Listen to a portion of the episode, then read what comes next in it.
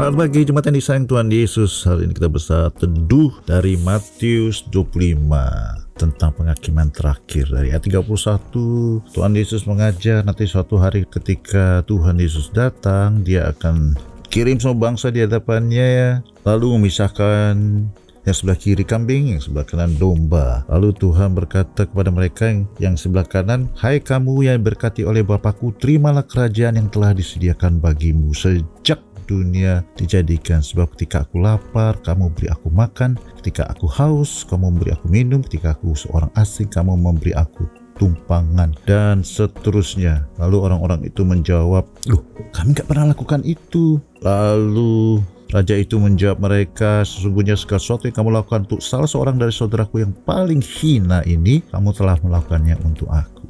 Pertama saya belajar ya, waktu Tuhan datang ternyata ada anak-anak Tuhan yang miskin juga. Pak, katanya kalau ikut Tuhan hidupnya berkelimpahan. Gila ini kok ada orang-orang miskin yang butuh pertolongan, orang yang di penjara, entah kenapa alasannya. Lalu ada yang membutuhkan tumpangan, telanjang, sakit. Ya mati kasih Tuhan Yesus, janji Tuhan itu nggak mungkin salah. Kalau Tuhan Yesus adalah gembala kita, kita tidak akan kekurangan.